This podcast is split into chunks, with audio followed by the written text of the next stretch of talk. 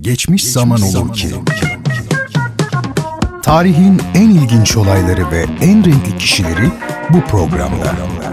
Bertan Rona tarafından hazırlanıp sunulan Geçmiş Zaman Olur ki sizleri her hafta şaşırtıcı konularla dolu bir tarih sohbetine davet ediyor. Geçmiş Zaman Olur ki her pazartesi ve her cuma saat 21'de Samsun'un Gerçek Radyosu'nda. Geçmiş Zaman Olur ki başlıyor. başlıyor.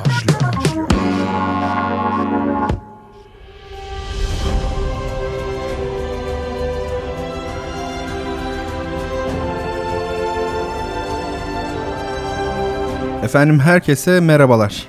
Tarih denen o kalın kitabın en ilginç, en önemli ve unutulmaz olaylarla, kişilerle ve olgularla dolu sayfalarını beraber çevirdiğimiz Geçmiş Zaman Olur Ki programına hoş geldiniz, safalar getirdiniz. Programı sizler için hazırlayıp sunan Bertan Rona'yı dinliyorsunuz. Her hafta pazartesi ve cuma akşamları saat 21'de Radyo Gerçek'te sizlerle buluşuyorum. Ve söylediğim gibi dikkat çekici konuları sizlerle paylaşmaya çalışıyorum. Sevgili dinleyicilerim bu akşam sizlere gizemli Kara Şövalye uydusundan söz etmek istiyorum. Varlığından kimse kuşku duymasa da aslen ne olduğu ve nereden geldiği uzun yıllardır tartışılan bir cisim Kara Şövalye uydusu.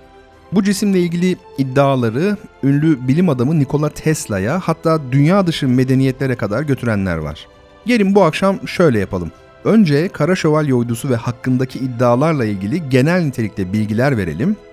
Ardından da meseleyi daha bilimsel bir platformda ele alarak işin aslının ne olduğuna dair daha objektif düşüncelere geçelim.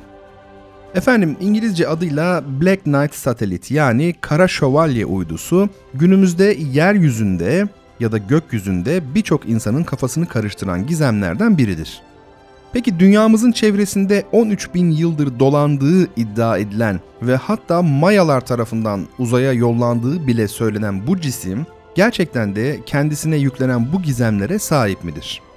Kara Şövalye uydusu en basit ifadeyle dünya yörüngesinde döndüğü tespit edilmiş siyah renkli bir cisimdir. Onu böyle tanımlayabiliriz.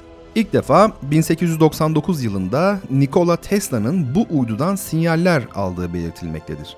1954 yılına gelindiğinde ise gazeteler Amerika Birleşik Devletleri Hava Kuvvetleri tarafından dünya çevresinde dönen iki cismin tespit edildiğini yazıyordu. 1960'larda Amerika Birleşik Devletleri ve Sovyetler Birliği uzayın derinliklerine hakim değildilerse de dünyamızın çevresine uydular yerleştirecek kabiliyete erişmişlerdi. İlk defa 11 Şubat 1960 tarihinde Amerika Birleşik Devletleri donanmasının radarına koyu bir cisim takıldı. Bu cismin dünya çevresinde dolaşan Sovyet veya Amerikan araçlarından biri olmadığı söylendi. Fakat bu tanımlanamayan cisim 20 Kasım 1959 tarihinde fırlatılan ve kaybolan Discoverer 8'in kapsülü olabilirdi. 1998 yılında Endeavour STS-88 adlı uzay mekiği Kara Şövalye uydusu namıyla anılan gizemli cismin ilk fotoğraflarını çekti. Bu yüksek çözünürlükteki fotoğraflar NASA'nın sitesinde yayınlandıysa da kısa süre sonra buradan kaldırıldılar. 1973 yılında ise İskoç araştırmacı Duncan Lunan bu konu hakkında incelemelerde bulunmuştu. Uzay ve astronomi konularına uzun süredir ilgisi olan Lunan, Kara Şövalye uydusunun Epsilon Boötis adlı bir yıldızdan dünya üzerine mesaj gönderdiğini iddia etti. Hatta uydunun yaklaşık 13 bin yıldır bu faaliyeti gerçekleştirdiğini ileri sürdü. Doğrusunu söylemek gerekirse Amerikan Ulusal Havacılık ve Uzay Dairesi yani NASA, Kara Şövalye uydusu ile ilgili yazılıp çizilenleri pek ciddiye almadı. Bu gizemli cismin basit bir uzay çöpü olduğunu ve abartılmaması gerektiğini açıkladı. NASA'ya göre bu mesele hakkında yazılanlar bilim kurgu yazarlarının uydurduğu türden gerçekle alakası olmayan hayal ürünü şeylerdi. Gerçekten de 1998 yılında bu siyah renkli cismin fotoğrafı çekilene kadar uzaya birçok mekik, kapsül ve uzay aracı yollanmıştı. Dolayısıyla NASA'nın açıklamasında belirttiği gibi Kara Şövalye uydusunun onlarca araçtan birinin parçası olma ihtimali akla oldukça yatkın gelmekteydi. Diğer yandan Nikola Tesla gerçekten uzaydan bir takım sinyaller aldığını beyan etmişti. Fakat bu sinyallerin Kara Şövalye uydusundan alınmış olabileceği ihtimali tahminden öte bir kanıtla somut hale getirilememiştir. Netice itibariyle Kara Şövalye uydusunun 13 bin yıllık bir gizem olduğuna inanıp inanmamak tamamen öznel bir karar meselesidir. Ancak bilim kesin ve net bir şekilde bu gizemli olayı da aslında açıklamaktadır. Sevgili dinleyicilerim programımızın başında belirttiğimiz gibi biz de şimdi tam bunu soracaktık. Yani bilim bu olay hakkında tam olarak ne söylemekte? Mahkemelerde iddia makamı, savunma makamı vardır ya hani sözü bilime bırakalım ve bakalım onun cephesinden olay nasıl görünüyor? Efendim 1950'li yılların ilk yarısından itibaren gazetelerde bir haber boy göstermeye başladı. Dünyanın etrafında iki adet uydu tespit edilmişti. Uzaya şunu bunu gönderme yarışları daha yeni yeni başlamıştı ve hiçbir ülke henüz uydu yollamayı başaracak teknolojiye ulaşamamıştı. O yüzden bu haber herkesin ilgisini çekti. Bugün tabiri caizse dünyanın başına bela olan Kara Şövalye uydusu ya da Black Knight satelit hikayesi işte buradan türedi. Bilgileri derleyip toplamaya çalışırken insanın kafasının karışmaması pek mümkün değil açıkçası. Zira ortada gizemli uydu diye öne çıkarılmış tek bir görsel ama gazete haberlerine bakılırsa farklı tarihlerde boy gösteren 3 ayrı cisim ve açıklamalara bakılırsa da farklı dönemlerde sorulara sebep olan birbiriyle alakasız cisimler var. Araştırmalardan anlaşıldığı kadarıyla ortada farklı tarihlerde tartışma konusu olan başlıca iki adet cisim var aslında ve ikisinin de ne olduğu zaten çoktan açıklanmış. Her zaman olduğu gibi gizemli olduğu sanılan bu olayda da tutarsızlıklar diz boyu.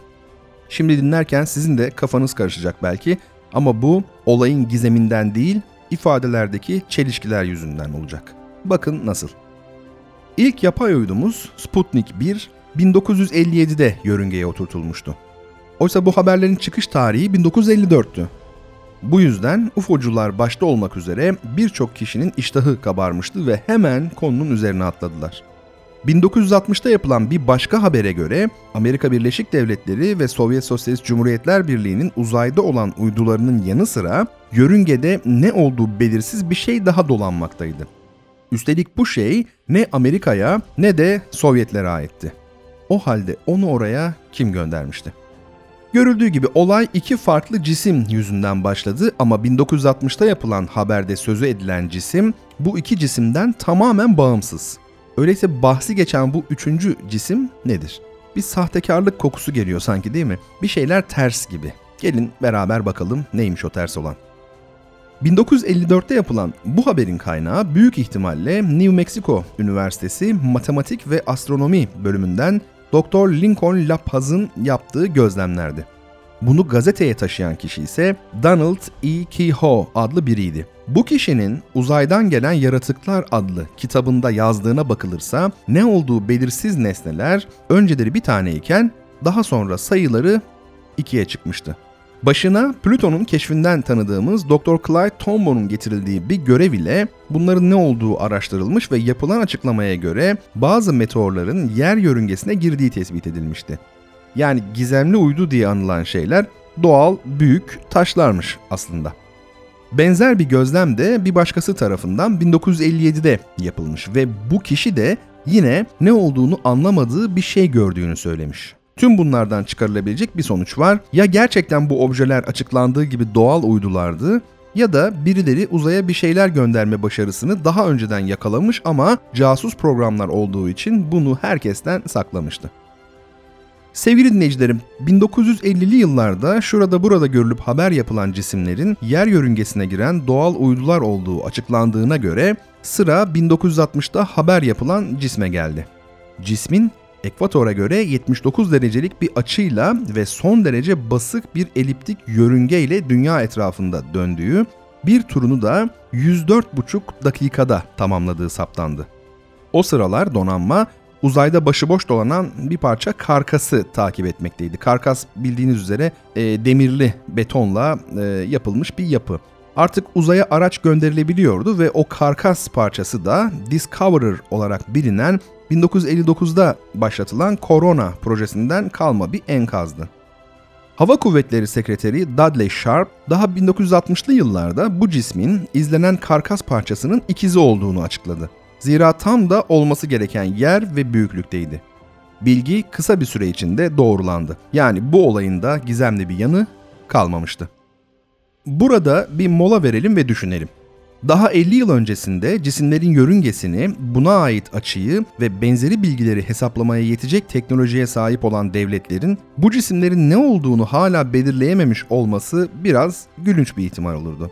Hele günümüzdeki uzay çalışmalarını şöyle bir düşünürseniz ve bu düşüncenize çok küçük boyutlular hariç tüm uzay çöplerinin ne olduklarının ve yörüngelerinin bilinmesini de eklerseniz aslında ortada çok da esrarengiz bir şeyin olmadığını kendiniz de anlayabilirsiniz.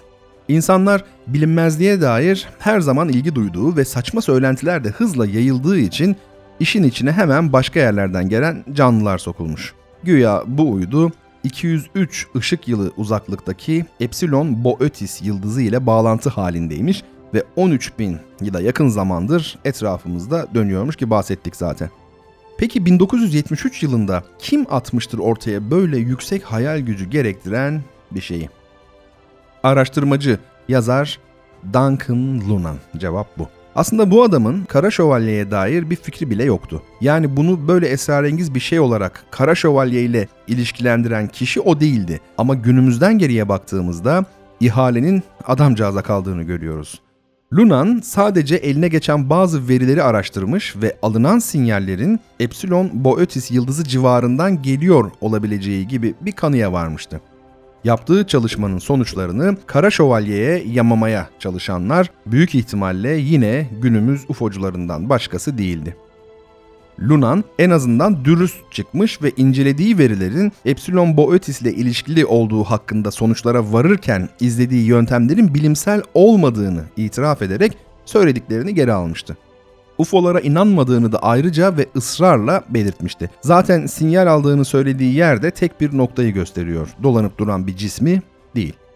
Aslına bakarsanız Discoverer uydularından kaldığı söylenen karkas parçası ile ilgili daha çarpıcı bir gerçek var.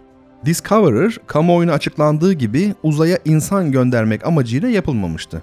Casus bir uyduydu ve hakkındaki bilgilerin ortalığa yayılmaması gerekiyordu. O yüzden o dönemde görülen cisimlerle ilgili saçma sapan, tutarsız yorumlar yapıldıysa bunun sebebi bu olayın gizli bir devlet projesi olmasıdır. UFO'lar değil. Üzerinden yıllar geçtikten sonra bu işin bir casus uydu projesi olduğu da açıklandı zaten. Peki gelelim ortalıkta Kara Şövalye adı altında dolaşan fotoğrafa ya da fotoğraflara. 1998 yılında astronotlar tuhaf bir cisim görüp bunun fotoğraflarını çekerler. NASA bu fotoğrafları sitesinde paylaşır ancak bir süre sonra kaldırır. Tabii o esnada fotoğraflar başka sitelerde de hemen yayınlandığı için NASA bunun bir uzay çöpü olduğunu açıkladığı halde fotoğraflar ortalıkta gezmeye devam eder. Açıklamaya göre görüntüdeki cisim astronotların STS-88 görevi sırasında elden kaçırıp kaybettikleri termal battaniyedir. İşte esasında Kara Şövalye uydusu diye ortalıkta fotoğrafları dolaşan cisim budur ve bunun ne 1950'de olanlarla ne de 13 bin yıllık dünya çevresi turuyla bir ilişkisi vardır. Peki Kara Şövalye uydusu buysa ve bu termal battaniye üretebilecek bir teknolojiye sahip olduğumuz yakın bir geçmişte ortaya çıkmışsa, 1954'ten beri ortalıkta dolanan gizemli uydu hikayesini kim uydurdu? Kim olabilir sizce? Tabii ki UFO takıntısı olan ve bu konularla ilgili kitap satmaya çalışan biri. Yani biraz önce adı geçen Keyhoe. Sizin anlayacağınız yine delinin biri kuyuya taşı atmış ve akıllılar da o taşı oradan çıkarmayı maalesef başaramamış. E, hemen bir not düşelim. Bu tür konuların altında bu işlerle uğraşan bir yazar varsa bu durum ortaya atılan şeyden şüphe etmeniz için yeterli bir sebeptir. Zira ticari kaygılar güden insanlar bilim kurgu konusunda çok fazla sahte bilgi yayıyorlar ve ne yazık ki kitapları da bu yüzden çok satıyor. Eric von Däniken'i hepiniz hatırlarsınız. Aslında bu işlerden ekmek yiyen insanların böyle şeyler yapması çok da şaşırtıcı değil. Önemli olan gerçeklerle bu adamların fantezi dünyası arasındaki ayrımı doğru koyabilmek. Efendim çeşitli dönemlerde amatör telsizcilerin aldığı ve ne olduğunu anlamadıkları bazı kozmik sinyaller Kara Şövalye uydusu ile ilişkilendirildi. Yıllar önce ünlü bilim adamı Nikola Tesla'nın uzaydan sinyal aldığını söylediği olayla ille de bu uyduyu ilişkilendirmeye yönelik bir çaba bile mevcut. Tesla 1899'da uzaydan sinyaller aldığını söylemiş ancak bunun sonucunda da birçok kesim tarafından deli olarak görülmeye başlamıştı. Her ne kadar Tesla bu sinyallerin Venüs'ten geldiğine inansa da bunların Kara Şövalye'den geldiğini iddia edenler olmuş. Oysa Tesla'nın aldığı sinyallerin yüksek ihtimalle bir pulsar yıldızına ait olabileceği açıklanmıştır. Yine eski tarihlerde tanımlayamadığı bir cisim gördüğünü iddia eden Gordon Cooper adlı astronotun gördüğü şeyin Kara Şövalye uydusu olduğu iddiası da mevcut ama Cooper'ın ağzından Kara Şövalye ile ilgili bir şey çıkmamış. Adam sadece değişik bir şey gördüğünü söylemiş. Hepsi bu. Zaten kariyeri boyunca farklı zamanlarda çeşitli cisimler gördüğünü beyan etmiş bir astronotmuş Cooper. Görüldüğü gibi ortada dolaşan ve birbiriyle hiç alakası olmayan hikayeler Kara Şövalye uydusu başlığı altında birleştirilmeye çalışılmış. Birileri çok fazla yalan üretiyor. Lütfen bu tür iddialara inanmayın ve biraz araştırma yapın. Çünkü günümüz teknolojisi bizden binlerce, milyonlarca hatta milyarlarca kilometre uzakta bulunan cisimler hakkında az ya da çok bilgi edinebilmeye müsait. Hele yakınımızda olan cisimler için çok daha fazla bilgiye sahibiz. Eğer burnumuzun dibinde hala ne olduğu çözülememiş bir uydu olduğuna inanıyorsanız kalbiniz son derece temiz demektir. Zira yörüngesi bilinen ve belli yerlerden periyodik olarak geçen cisimler hakkında çok fazla bilgiye sahibiz. Örneğin kuyruklu yıldızlar. Hatta bir kuyruklu yıldızın yörüngesi bir insan ömrünün binlerce katı kadar bir sürede tamamlanmasına rağmen ne zaman geleceği, nereden geçeceği gibi konularda bilgi sahibi olabiliyoruz net bir şekilde. Dolayısıyla 100 küsur dakikada bir etrafımızda bir tur atan ya da elimizde fotoğrafları olan bir cismin ne olduğunu değerlendirmek o kadar da güç bir iş değil.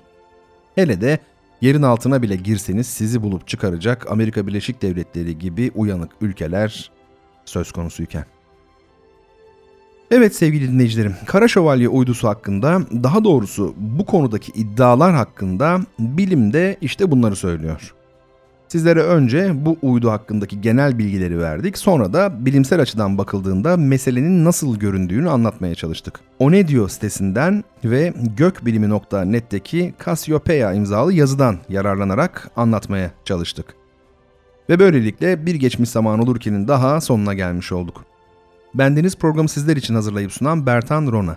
Geçmiş zaman olur ki her hafta pazartesi ve cuma akşamları saat 21'de Radyo Gerçek'te dinleyebilirsiniz. Böylelikle tarihin en önemli kişileriyle, en ilginç olayları ile dolu dakikalar geçirmiş olursunuz. Bir sonraki bölümde tekrar bir arada olabilmek dileği ve en içten duygularla.